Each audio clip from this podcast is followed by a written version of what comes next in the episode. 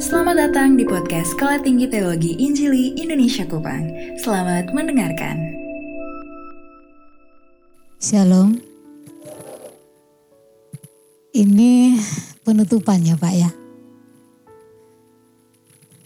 Kayaknya tidak perlu perkenalkan nama ya. Nanti setelah itu baru kalian akan bosan-bosan kan lihat saya di kampus. Saya lihat dari tadi semangatnya itu luar biasa sekali ya. Iya, selama empat tahun ibu akan lihat. Yang, yang cewek-cewek, apa pun yang terjadi, ku tetap falling in love. Gitu, tetap cinta. Cinta Tuhan. Kok atau cinta alma mater? Alma mater sonde? Oh, wow. Kanetia dengar, alma mater gak cinta. Itu kalimat pertanyaan menjebak kayaknya ya. Tapi dari panitia, kalian bisa membayangkan ya, betapa menderitanya mereka di sini sampai lagunya itu apa tadi lagunya? Kuat, baru nyanyinya itu. Kuatkanlah hatiku kayak orang, aduh mati tak mau, hidup juga tak mau kan. Jadi kalian bisa yang baru-baru nih bisa bisa membayangkan berarti nanti ke depan berarti pergumulannya banyak nih. Dari lagu kakak-kakakmu saja sudah menunjukkan loh. Kuatkanlah hatiku gitu kan. Biasanya mereka tuh makan daging. Daging itu satu tahun sekali. Pas yang ulang tahun. Yang ulang tahun pun kalau dia baik hati. Kalau son baik hati dia makan sendiri ya sudah selesai toh. Biasanya makan cuma apa Agripa? daun. Makan daun. Gak ada sayur-sayur. Pergumulan tuh ada ya. Saya sangat senang sekali semangatnya sampai hampir saya mau tabongkar itu kursi. Gara-gara dorong pelompat nih. Puji Tuhan. Luar biasa saya akui semangatnya. Tapi itu tidak usah terlalu bagi saya kalau mau gombal pun enggak, enggak mempan. Karena setiap tahun semangatnya kayak gini tuh ada. Tapi dengan bergantinya tahun, dia semakin kuatkanlah hatiku. Kayak tadi itu kan. Cintanya pun juga saya semakin ragu. Tapi di sana yang ada, di sini tidak. Di sini tidak. Mereka semakin ada pergumulan, kalau tidak ada pergumulan justru mereka minta. Loh mana yang pimpin pujian mana? Sudah hilang?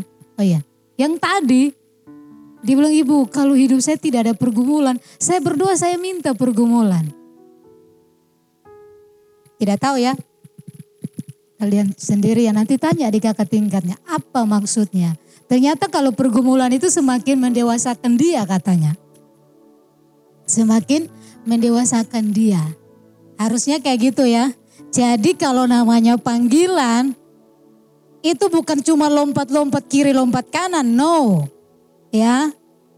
Tapi panggilan itu harus disertai dengan tugas, betul ya? Berikan saya senyum dong yang cewek-cewek. Rasa-rasanya mau balik. Senyum sedikit, kenapa sih? Senyum ya, senyum jangan ketawa, senyum sah. Karena senyumnya orang tete itu manis. Cowok nggak usah. Iya, cowok tidak. Nggak perlu, saya tidak butuh. Soalnya dari tadi udah hampir terbang saya dari situ. Kalau cewek-cewek kayaknya kurang. Mama-mama, saya lihat ada ibu-ibu di sini. Maafkan penitia-penitia yang mungkin kasar-kasar ya. Sudah ada pemberesan belum? antara yang digojok dengan yang menggojok? Setelah ini, harapannya ibu saya, tidak ada dendam di antara kita ya. Amin toh. Nona-nona ada dendam kok. Surayu pohon, saya lihat ada yang apa rayu pohon atau khotbah itu ya?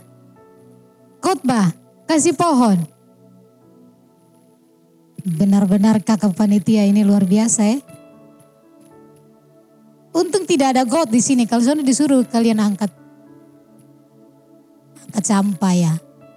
Tapi tidak apa-apa, itu sebagian dari proses. Betul ya? Itu juga membentuk panggilan saya dan saudara. Jangankan saudara, saya sendiri sampai hari ini tetap harus meresponi tentang panggilan Tuhan.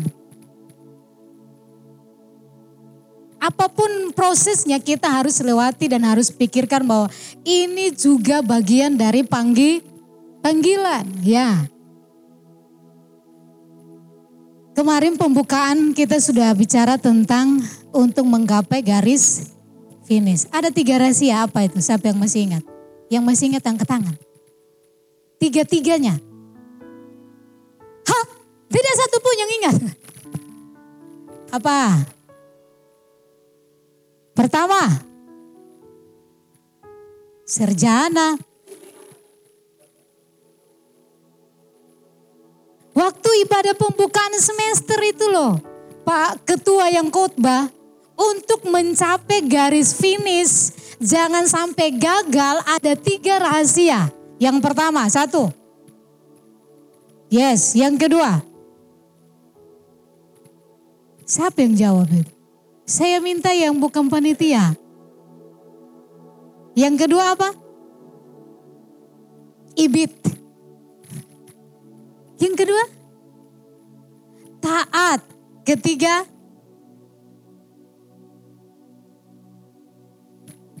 Dari tadi kalian lompat-lompat itu sana ada yang ingat kok. He? Atau lompat hilang? Pak, setelah ini ospek yang kedua Pak ya.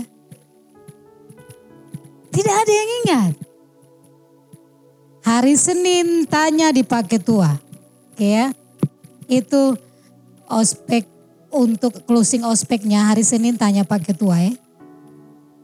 Mama, ada yang sebelum mama eh mamanya di kampung, mamanya tidak di sini.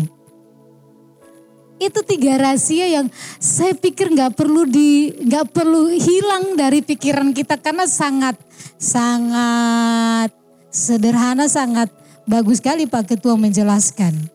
Ada yang ingat kok kakak? Saya ingat. Bagaimana mau ingat ibu orang kakak penelitiannya gocok kita sampai ngos-ngosan. Ya kan? Hari ini saya mau lanjut tentang untuk mencapai garis finish. Kita tahu tujuan kita sama-sama. Tujuan saya dan saudara penuhi panggilan di sini. Sepakat kok?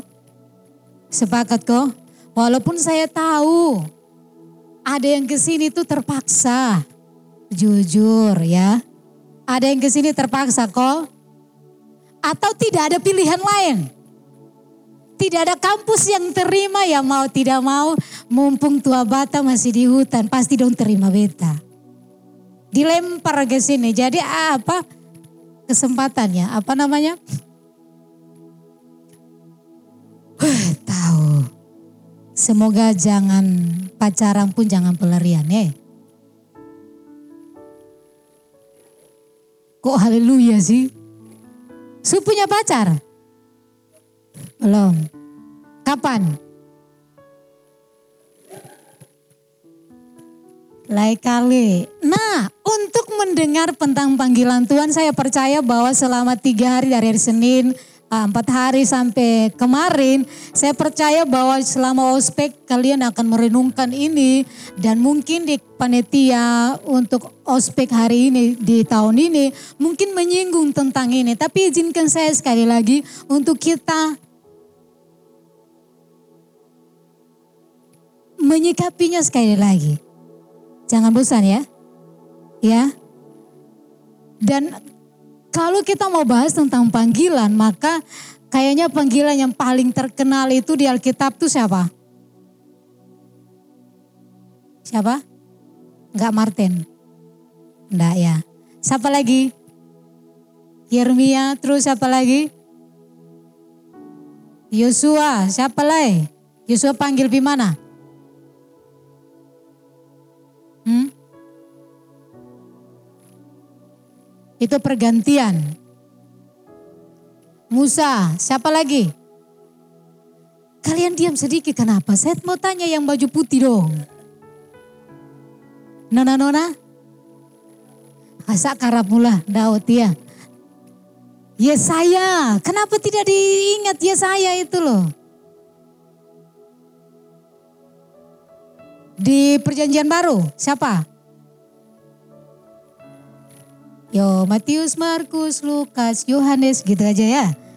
Nah, hari ini kita bahas tentang Yeremia. Yeremia itu sangat terkenal dengan panggilannya. Dan panggilannya itu hampir sama dengan Yesaya, bahkan Musa. Itu penolakan juga sama hampir sama. Ketika Tuhan memanggil Musa, Musa bilang apa? Tuhan bisa lidah. Kasih bepung saudara saya, Harun saya, beta bisa. Yesaya pun juga. Yeremia pun juga sama. Tuhan eh beta ini masih muda. Beta sone bisa. Beta son fasi bicara. Tuhan bilang apa? Hei, yang kasih mulut itu siapa? Tuh Tuhan. Ya kita belajar sama-sama tentang panggilan. Panggilan Tuhan adalah panggilan yang khusus, betul? Yang mengerti, katakan amin. Yang kedua, panggilan Tuhan adalah panggilan sebelum kita itu ada sebelum Anda dan saya lah lahir. Kalau Tuhan sudah memanggil, contohnya Yeremia, dia memanggil apa? Sebelum dia lah lahir. Panggilan yang itu penting, genting. Dan panggilan Tuhan adalah panggilan yang menuntut ke kesediaan. Menuntut kesediaan. Panggilan Tuhan adalah panggilan dengan ja, jaminan. Jaminannya apa?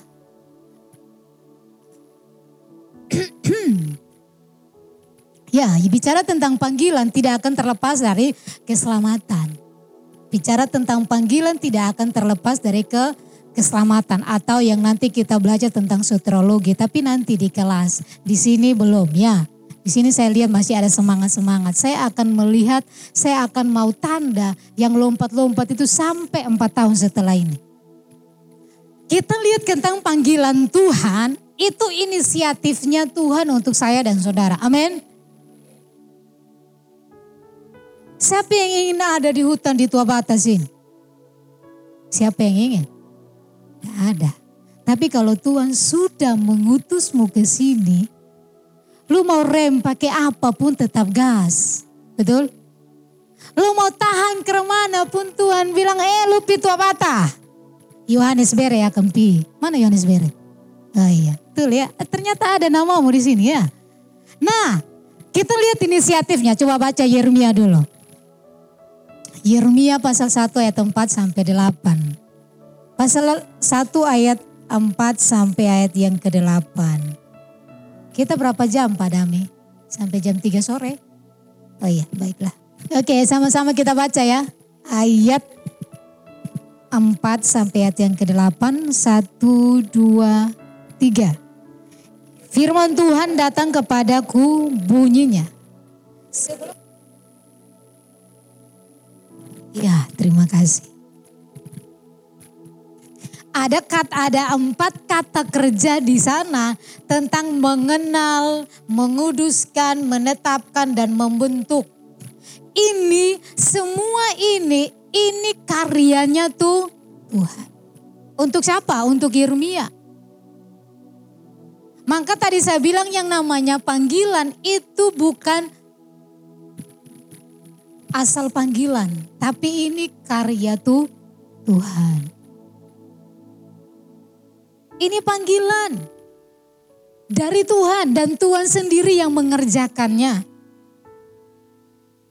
Yeremia tidak mengharapkan ini untuk dipanggil menjadi nabi di tengah-tengah umat yang bobrok, di tengah-tengah umat yang becat, di tengah-tengah umat yang suka melawan.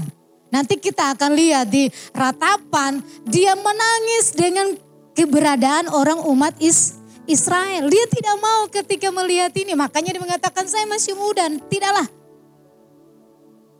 Tetapi ini karya Tuhan. Tidak bisa dihalangi oleh siapa? Siapa pun. Dulu saya mau jadi polisi. Karena jadi polisi suka pakai pakaian seragam tuh keren, apalagi pakai sepatu yang tinggi, jalannya lebih keren lagi kan.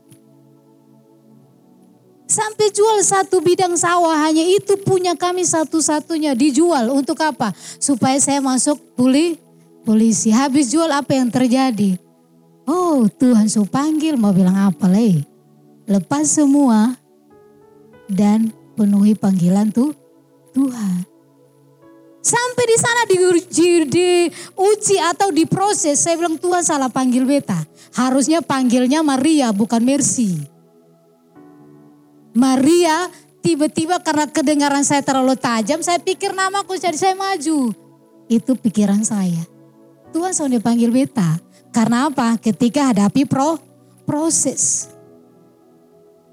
Tapi apakah Tuhan biarkan saya hanyut dari begitu? Oh tidak, dia bertanggung jawab dengan panggilan. Dia tetap mengintervensi kita untuk tetap dalam panggilan Tuhan. Amin. Karena ini inisiatifnya Tuhan. Apalagi maka mengenal, menguduskan, menetapkan itu artinya sama-sama. Kata kita diganti dengan saya ya. Bisa dengar bisa baca ya. Satu, dua, tiga. Saya dilahirkan untuk menggenapi rencana Allah. Rencana Allah ada lebih dahulu daripada keberadaan saya. Saya seharusnya melibatkan seluruh hidup saya untuk menggenapi rencana Allah. Saya ada di dalam rencana sama-sama sekali lagi. Saya ada di dunia untuk rencana Allah. Ganti dunia dengan tua bata. Oke ya, satu, dua, tiga. Saya ada di tua bata. Amin. Yakin empat tahun selesai? Tidak macet, ah? Ketiga akan dengar. Amin. Jangan cuma semangat, tapi just do it. Lakukan, oke? Okay? Itu buktikan. Kita ada di sini karena rencana Tuhan. Anda dan saya ada di sini karena panggilan Tuhan. Kalau mau pilih, saya tidak mau di Tua Bata, Ju. Dari jalur sampai lewat sini kalau sore-sore, ha. Menyeramkan guys. Saya ingin di tengah-tengah kota. Tapi Tuhan bilang, sonde, lu di sini sah. Kita ada karena rencana, rencana Tuhan. Sejak kapan Tuhan merancangkan untuk kita? Sejak kita ada di kandungan, sebelum kita ada dia sudah rancangkan. Mengenal itu bukan sekedar mengenal secara intelek. Oh saya kenal, kenapa itu ditutup ya namanya kecil sekali. Nama siapa Nana? Panggilannya D. Deri. Oh iya, baguslah. Lebih bagus namamu dipanggil Derince panggilnya Deri. Daripada lain kali dipanggilnya Laskar. Gak nyambung kan? Betul lain? Laskar. Laskar apa? Laskar tua batu atau laskar Kristus? Kita ada karena rencana Tuhan. Maka kita perlu memperlengkapi diri. Amin. Lebih tepatnya diperlengkapi oleh Tuhan. Karena dari awal kita dipanggil oleh Tuhan dan itu inisiatifnya Tuhan. Amin. Bukan karena kita ganteng, bukan karena kita gagah, bukan karena kita ada potensi, no. Tetapi karena dia sendiri yang mau panggil kita. Gak peduli keberadaan kita kayak gimana. Gak peduli sejelek kita seperti apa. Tuhan gak peduli itu. Tapi dia bilang dia sayang. Roni ya dia sayang. Kalau dia mau pilih Roni ya dia pilih. Tidak peduli Roni maafkan cacat atau bagaimana, tidak peduli itu. Kalau Tuhan sudah pilih ya itu sudah. Tuhan sudah tetapkan. Amin. Nah kalau begitu kita harus syukuri panggilan Tuhan atas saya dan saudara. Amin. Karena kita dibentuk, kata dibentuk atau maafkan, dikuduskan, dipisahkan itu Bukan karena saya dan saudara hebat sehingga kita dipisahkan untuk tugas yang mulia, bukan. Tetapi karena dia sudah cinta saya dan saudara, maka dia pisahkan kita dari yang lah, yang lain.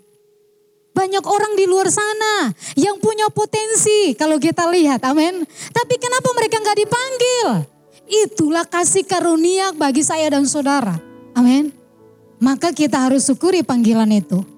Kalau kita sudah menyadari panggilan Tuhan atas saya dan saudara, maka bukan cuma duduk diam, tapi harus memperlengkapi diri atau kita diperlengkapi, siap diri untuk diperlengkapi selama empat tahun di sini. Betul ya? Empat tahun.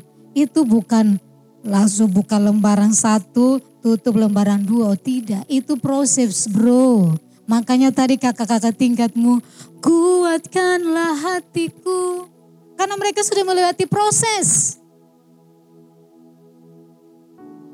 Proses itu penting. Dan mari kita belajar sama-sama. Dalam Yeremia, dia membutuhkan proses itu. Tuhan memperlengkapi dia. Betapa penting kita memperlengkapi diri, menanggapi panggilan yang Tuhan percayakan, Tuhan panggil kepada saya dan saudara. Kenapa Yeremia tidak menanggapi panggilan Tuhan tanpa memperlengkapi diri? Sebenarnya yang tepat itu gini, diperlengkapi. Betul? Nanti kita akan mengerti kenapa harus diperlengkapi. Setiap kali kita memperlengkapi diri sebenarnya bukan kita. Bukan saya dan saudara tetapi Tuhanlah yang sedang memperlengkapi saya dan saudara. Bukan kitanya, tetapi Tuhan yang sedang Tadi kita kan baca sama-sama, saya ada di sini karena rencana tuh Tuhan.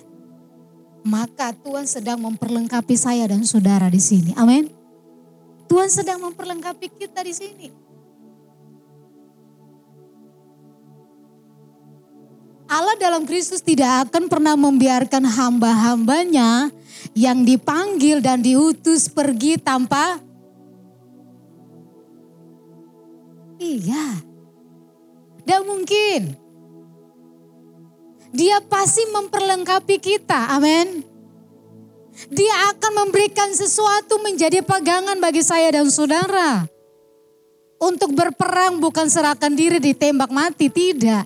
Tetapi ada pelurunya, ada senapannya, ada perlengkapan-perlengkapan peperangan yang harus kita siapkan untuk menghadapi sebuah pepe, peperangan. Nah untuk menginggapi panggilan Tuhan ke depannya nanti.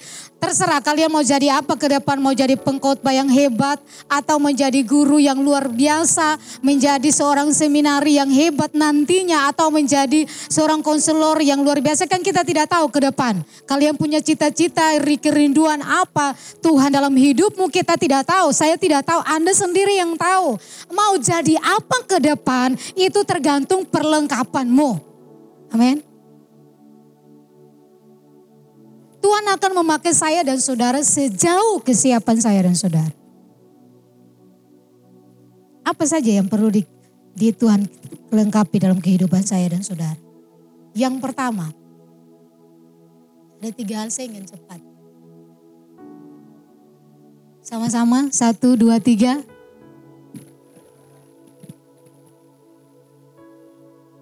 diperlengkapi dengan firman firman Tuhan. Coba minta Nona Diri baca ayat yang ke-9.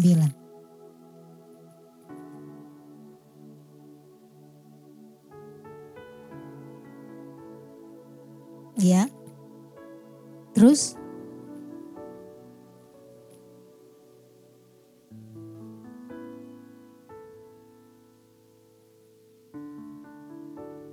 Sesungguhnya aku menaruh perkataan-perkataanku ke dalammu, mulutmu. Tuhan memperlengkapi Yeremia dengan firmannya di mana Tuhan mencama mulutnya si opa Yeremia itu. Kalau orang rote, kalau Yeremia panggilnya, mana orang rote? Panggilnya apa? Yeremia. Mias. Mias. Kalau Markus biasanya rote panggil Ma'u. Kalau orang rote, eh orang alor, Markus panggilnya apa? Siapa alor? Mauju. Oh ya udahlah. Kalau Kristiani, panggilannya apa? Kris. Kalau hadapi orang Jawa lu habis ya. Nah, Opa Yeri mengatakan begini. Bukan ketika Tuhan mengatakan aku menaruh perkataanku ke dalam mulutmu bukan berarti bahwa Yeremia tidak mau belajar, tidak. Yeremia tetap belajar firman Tuhan. Amin. Bukan Yeremia duduk-duduk langsung dengar suara firman, langsung dia bicarakan, bukan. Ntar di dulu-dulu dengar-dengar oh, orang bakal lain. Langsung itu firman, oh tidak juga. Nah di sini kita harus belajar firman tuh. Firman Tuhan. Jadi Tuhan menaruh firman dalam mulut Yeremia. Bukan berarti Yeremia tidak belajar. Lihat prosesnya dia tinggal di mana? Di keluarga imam. Dia tinggal dan ada di keluarga imam. Imam siapa ya? Ada ingat? Samuel tinggal di keluarga siapa? Siapa? Yang baca Samuel habis angkat tangan. Kitab Samuel dia selesai baca. Belum kok? Belum. Dia tinggal dengan siapa? Keluarga siapa? Imam? Makasih kak. Dia tinggal di keluarga Imam Eli. Dan ini keluarga imam berarti mereka hidup dengan firman tuh Tuhan, hal-hal rohani mereka hidup bersentuhan dengan di situ dan si Im, si Yeremia tinggal di sana dan dia kemungkinan besar dia belajar untuk Taurat atau untuk firman Tuhan. Dia akan belajar di sana. Karena yang namanya para imam biasanya mereka belajar banyak di sana. Karena ini toko-toko agak agama kalau zaman sekarang. Orang kalau namanya anak pendeta berarti keluarga orang ketika mengatakan oh ini anak siapa? Anak pendeta. Pendeta siapa? Pendeta A. Langsung tahu oh dia tahu pasti kejadian di mana, keluaran di mana. Betul kok? Karena makanan hari-hari, kehidupan hari-hari mereka seperti itu. Hidup di dalam firman Tuhan suka baca firman, suka merenungkan doa sama-sama. Itulah keluarga pendeta. Betul kok? Betul kok Yanis? Betul kan? Saya tahu dia anak pendeta. Di sini dia belajar. Tuhan telah memperlengkapi Yeremia dengan belajar. Jadi bukan sebuah kebetulan Yeremia ditaruh di keluarga i, imam. Karena bagi saya itu tidak ada yang kebetulan di muka bumi ini. Betul? Ada satu dictionary, Hertix eh, American, dia mengatakan begini. Kebetulan adalah suatu urutan peristiwa yang meskipun terjadi tanpa disengaja, tetapi sepertinya sudah direncanakan untuk di atau diatur. Menurut saudara siapa yang rancangkan? Menurut saudara siapa yang atur? Ya. Jadi tidak ada kebe kebetulan. Tuhan sudah menetapkan dari awal nanti Samuel lahir dia akan ditaruh di Imam Eli keluarga ini untuk dia belajar. Karena nantinya ini dipersiapkan untuk mencapai atau mengemban sebuah tugas yang berat nantinya. Jadi bukan kebetulan. Memang ini sudah ditetapkan Tuhan bagi si Yeremia. Iya siapa yang menurut saudara tadi saudara dan saya mengatakan bahwa Tuhan yang atur betul ya. Jadi Yeremia diperlengkapi dengan firman Tuhan sehingga tidak mengherankan jika Yeremia sangat sangat sangat sangat mengenal Taurat. Kalau Bapak Ibu Saudara kurang percaya pulang baca di sini. Tidak mungkin saya suruh baca nantinya kita sampai jam 4 sore nanti ya. Periksa saja, dia tahu persis. Karena dari kecil sudah dididik dengan ta Taurat. Dari kecil sudah mengenal Taurat seperti apa. Tapi Bapak Ibu jangan kecewa. Aduh, Ibu bilang dari kecil Yeremia sudah di, diperlengkapi dengan firman Tuhan. Lah saya harus sekarang. Tidak ada kata terlambat, amin.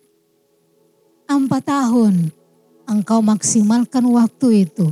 Maka saya percaya, tanda kalimat saya, engkau akan lihat karya Tuhan di hidupmu. Amin. Engkau akan lihat itu. Kalau engkau maksimalkan empat tahun ini, semaksimal mungkin, maka engkau akan melihat diri yang seperti apa di depan.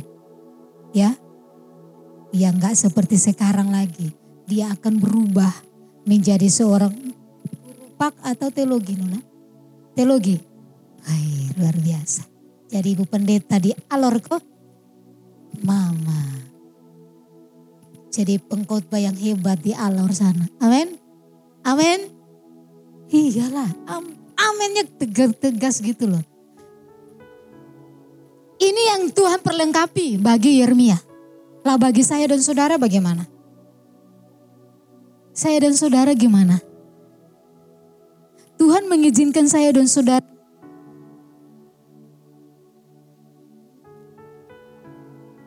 Tuhan.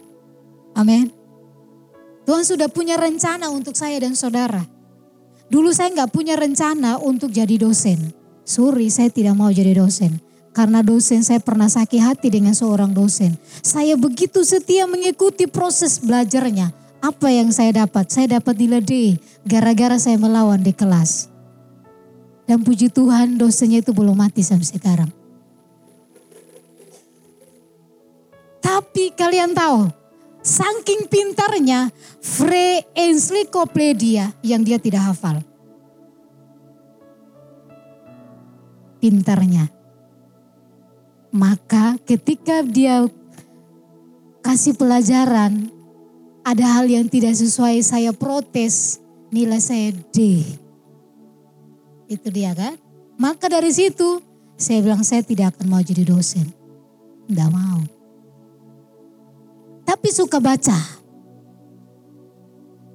Tidak mau jadi dosen tapi suka baca. Yang kedua suka mengikuti jadi asisten dosennya itu loh enak.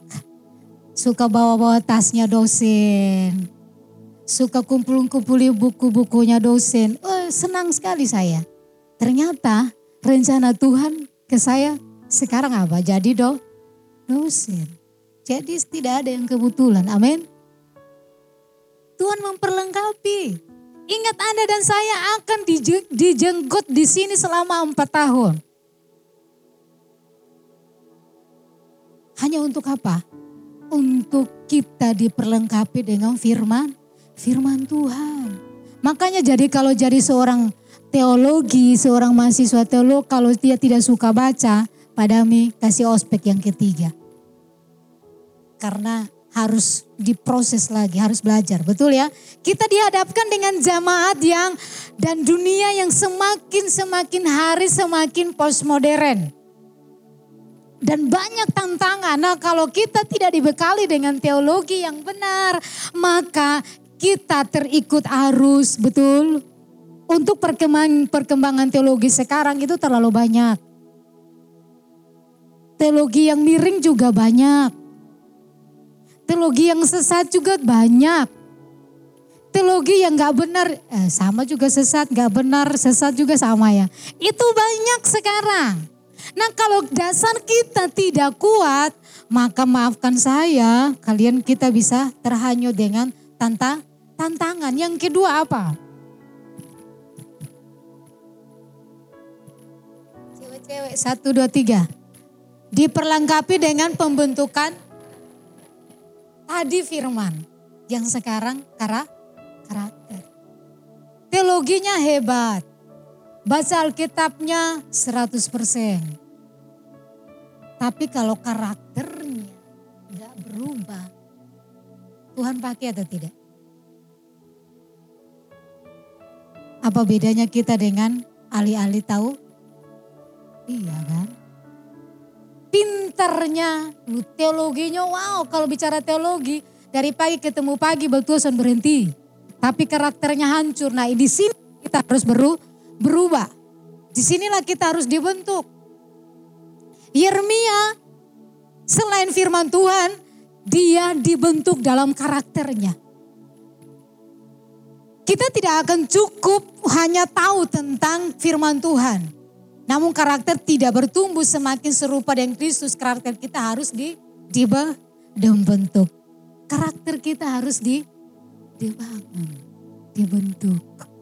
Yang malas-malas bangun jam 9 pagi, sekarang harus jam 4. Ayo. Jangan protes dengan pro.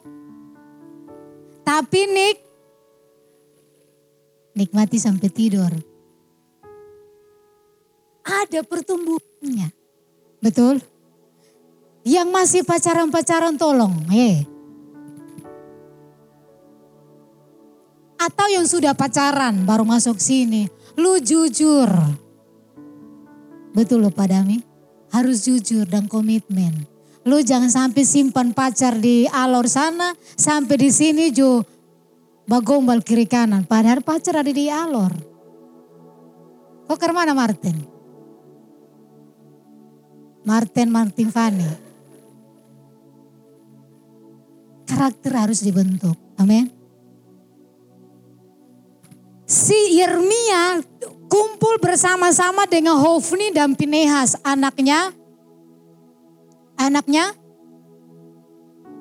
Anaknya siapa? Karakternya mereka tuh hancur. Tapi beda dengan Yeremia. Dia semakin hari semakin disukai oleh Tuhan dan sesama. Apa yang membuat dia seperti itu? Karena apa? Dia tahu panggilannya. Kalau Hofni dan Pineas dia tahu bapaknya imam. Jadi imam ini turunan. Hofni dan Pineas bertumbuh dalam karakter yang tidak benar. Yeremia dia bertumbuh di dalam penyertaan Tuhan, di dalam panggilannya. Maka karakternya akan terbentuk. Dari karakter Yeremia yang kita lihat ya. Yang sebelumnya ia dia mengatakan aku ini masih muda. Ada mindernya tidak memahami nilai dirinya seperti apa. Tetapi ketika dia mau atau dia menikmati prosesnya. Apa yang terjadi? Kebanggaan yang sehat sebagai hamba Tuhan disertai kerendahan ha? hati. Itu terlihat di kehidupan pelayanan Yeremia. Dia enggak menjadi sombong. Karakternya yang jadi dari minder, dia menjadi orang yang percaya di diri. Minder ini kadangkala adanya begini. Karena latar belakang. Kehidupan kita yang dulu kadang membuat kita minder, betul? Itu bisa faktor membuat kita minder. Ada juga keluarga. Mungkin ada dari keluarga yang broken home. Atau keluarga yang tidak kenal Tuhan atau keluarga yang hancur bisa buat kita sebagai anak minder, betul? Tapi di tempat ini, Tuhan mengatakan engkau berharga di mataku. Amin. Itulah diri kita. Itulah saya dan saudara. Tidak peduli keberadaan latar belakangmu kayak gimana. Tapi Tuhan mengatakan, Dere engkau berharga di mataku. Yohanes engkau berharga. Mau engkau berharga. Martin maksudnya. Ada perubahan yang terjadi. Apalagi karakternya yang kedua. Karakter yang sebelum Yeremia menanggapi melewati proses ya. Penuh dengan ketakutan dan risiko pelayanan. Dia sudah tahu, tadi saya mengatakan bahwa dia akan menghadapi umat yang yang suka melawan nih. Betul? Tapi Tuhan izinkan dia melewati proses. Apa yang terjadi? Berani menyampaikan kebenaran meskipun ada resi, resiko. Dulu orangnya melankonis. Suka menangis, suka mengeluh. Tentang dirinya, tetapi nanti saudara-saudara akan baca setelah ayat pasal 20 Yeremia. Tidak saudara dan saya tidak akan temukan dia mengeluh tentang dirinya. Dia tak hanya bergumul tentang bang bangsa Israel. Setelah pasal 20. Kalian tidak akan temukan Yeremia menangisi dirinya. Tapi Yeremia menangis meratap tentang keberadaan umat is Israel. Sedikit-sedikit mengeluh sudah tidak ada di kehidupan Yeremia lagi. Tetapi dia fokus dengan tujuan Tuhan di hidupnya. Tentang apa? Kalau bisa umat ini dipulihkan Tuhan. Walaupun nantinya dia akan lihat setelah berapa tahun kemudian dia akan lihat umat ini dibuang ke Babel. Maka dia meratapi semua tapi bukan untuk dirinya, untuk umat Tuhan. Yang suka ngeluh-ngeluh tentang kehidupannya sudah tiga hari diproses. Ih kenapa kakak panitia dong bikin kotong begini. Sumenggerutu, ingat. Jangan dendam ya. Karena itu juga bagian dari proses. Amin. Amin. Ibu-ibu maafkan sekali lagi. Itu bagian dari proses. Untuk mau menjadi seorang hamba Tuhan yang handal ke depan. Menjadi seorang guru yang hebat ke depan. Hebat bukan karena dia pintar dalam segala hal, bukan. Tapi karakter moral itu yang penting. Amin. Karena banyak guru yang hebat tapi moralnya juga bejat. Nah ini yang di sini kita belajar, jangan seperti itu. Apalagi? Jadi pembentukan karakter itu akan terlihat dari mana? Dari keluarga. Keluarga saya dan saudara.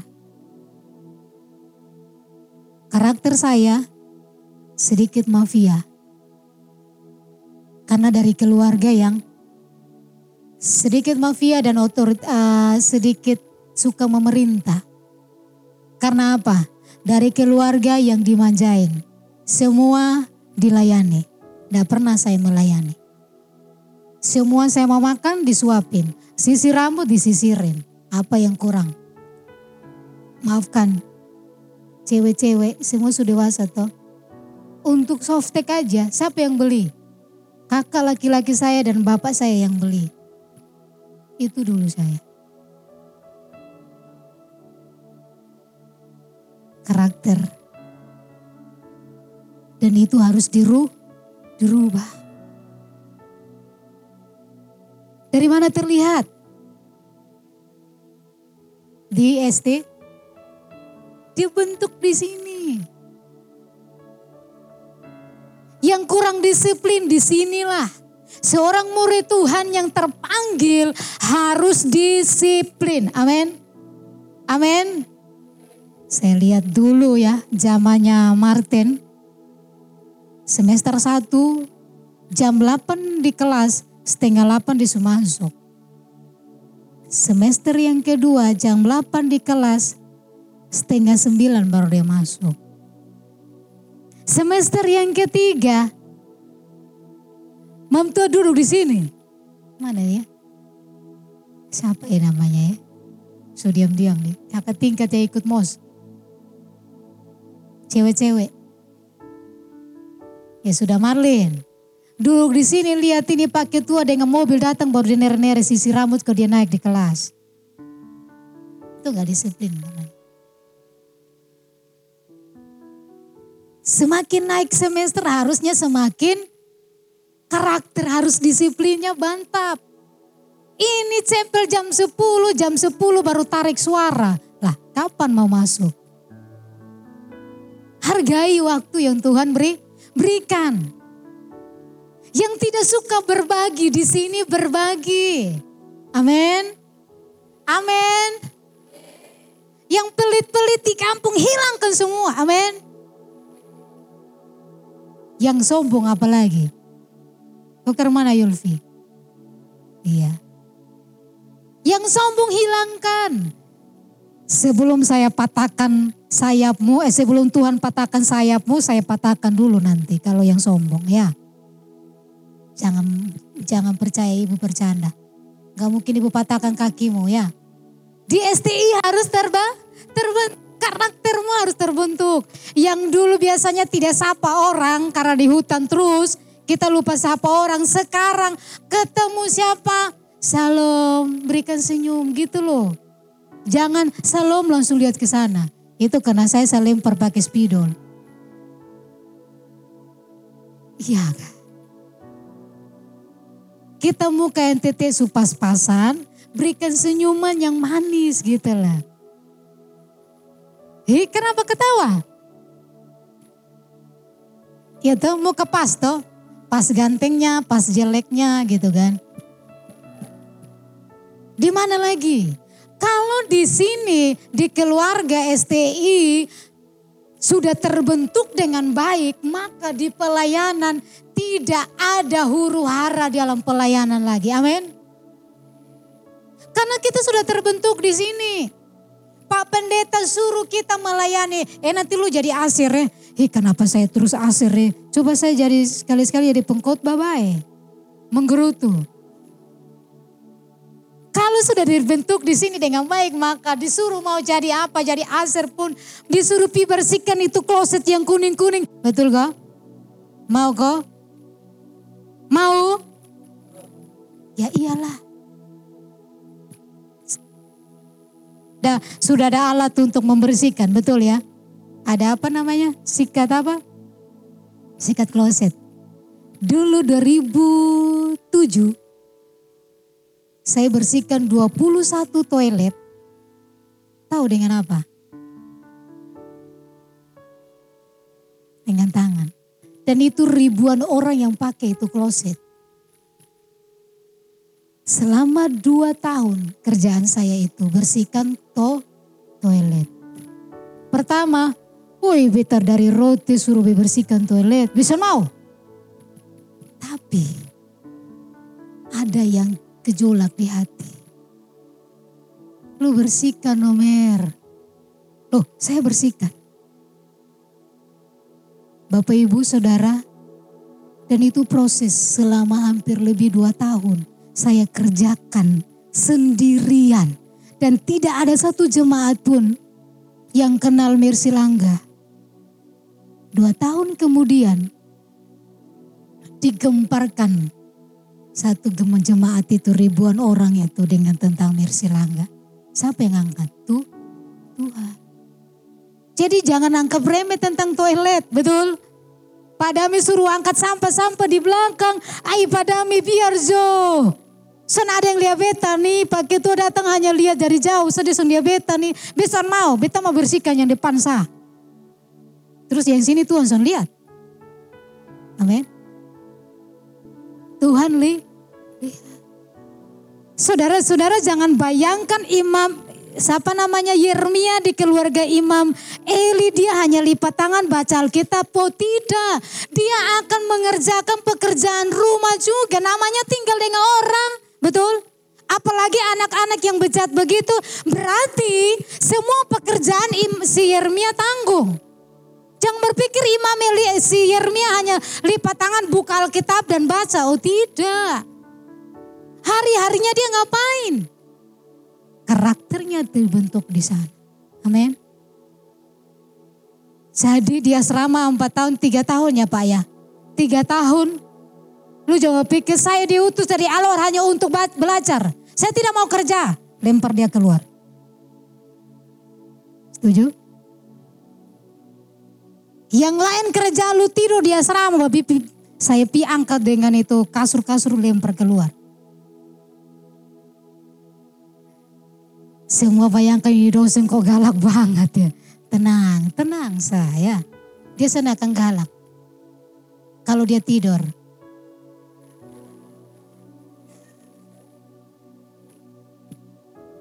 Semua ini untuk satu tujuan, yaitu apa? Supaya serupa dengan Kris, Kristus. Karakter terbentuk supaya apa? Menjadi orang seorang hamba Tuhan yang karakternya harus serupa dengan Kris, Kristus. Jadi bukan hanya teologinya diisi full, tetapi moralnya juga harus terbentuk serupa dengan Kris, Kristus. Yang terakhir, apa yang terakhir? Kita diperlengkapi dengan kuah, kuasa. Kalau kita sudah memberi diri belajar firman Tuhan, memberi diri untuk dibentuk serupa dengan Kristus, maka jaminannya adalah kita diberi kuasa. Amin. Ayat yang ke-8 mengatakan apa? Pergi dan aku menyertai engkau. Aku memberikan kuasa kepadamu. Bukan kuasa sembarangan. Bukan kuasa supaya kita teragret dengan baik. Oh no. Tapi kuasa surgawi yang kita bisa menguasai, menguasai atmosfer itu. Amin. Kuasa bukan untuk membentak orang. Tapi kuasa untuk apa? Menyatakan kebenaran walaupun kita berdiri sendiri. Amin. Sekarang cari orang yang begitu susah. Susah kok gampang ya. Susah kok gampang. Susah kok. Makanya tidak heran kalian datang ke sini. Betul? Betul? Saya tidak sedang mempromosi. Tetapi saya menyatakan kebenarannya. Bahwa orang yang di sini alumni-alumni yang keluar dari sini terbentuk karakternya baik. Hanya satu dua saja, bukan karena kampus tidak membentuk mereka. Tetapi mereka ancene tidak mau dibentuk. Itu hanya satu dua. Tapi mayoritas mereka terbentuk dengan baik. Amin. Karena apa? Bukan STI hebat. Tetapi kita mau memberi diri untuk dibentuk. Tuhan memperlengkapi kita dengan kuasa ayat 7 ayat 8 ayat yang ke-17 ayat 19. Jadi tidak ada sekolah khusus tentang ini kuasa itu. Tidak ada sekolahnya atau tidak ada mata kuliahnya nanti kalian akan isi KHS itu tidak ada mata kuliah tentang mata kuliah menerima kuasa, tidak ada. Tidak ada. Tapi itu dengan sendirinya akan ada dalam kita dengan sendirinya kita akan menerima. Amin.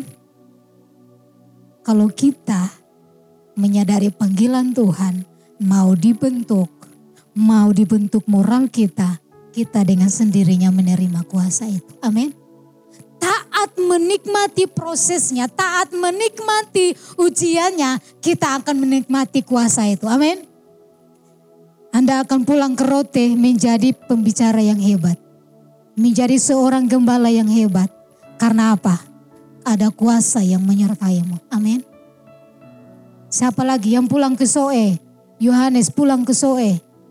Ada kuasa yang menyertaimu. Amin. Tuhan memberikan jaminan. Jadi ada tiga hal untuk memperlengkapi panggilan saya dan saudara. Yang pertama, firman firman Tuhan.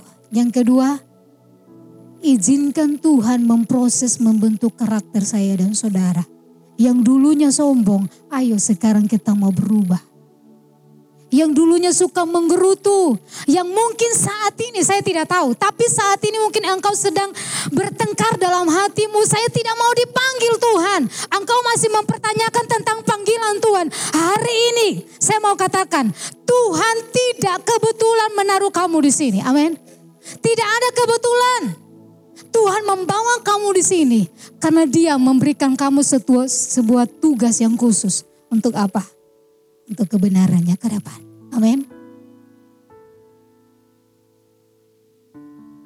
Mari bangkit berdiri bersama saya.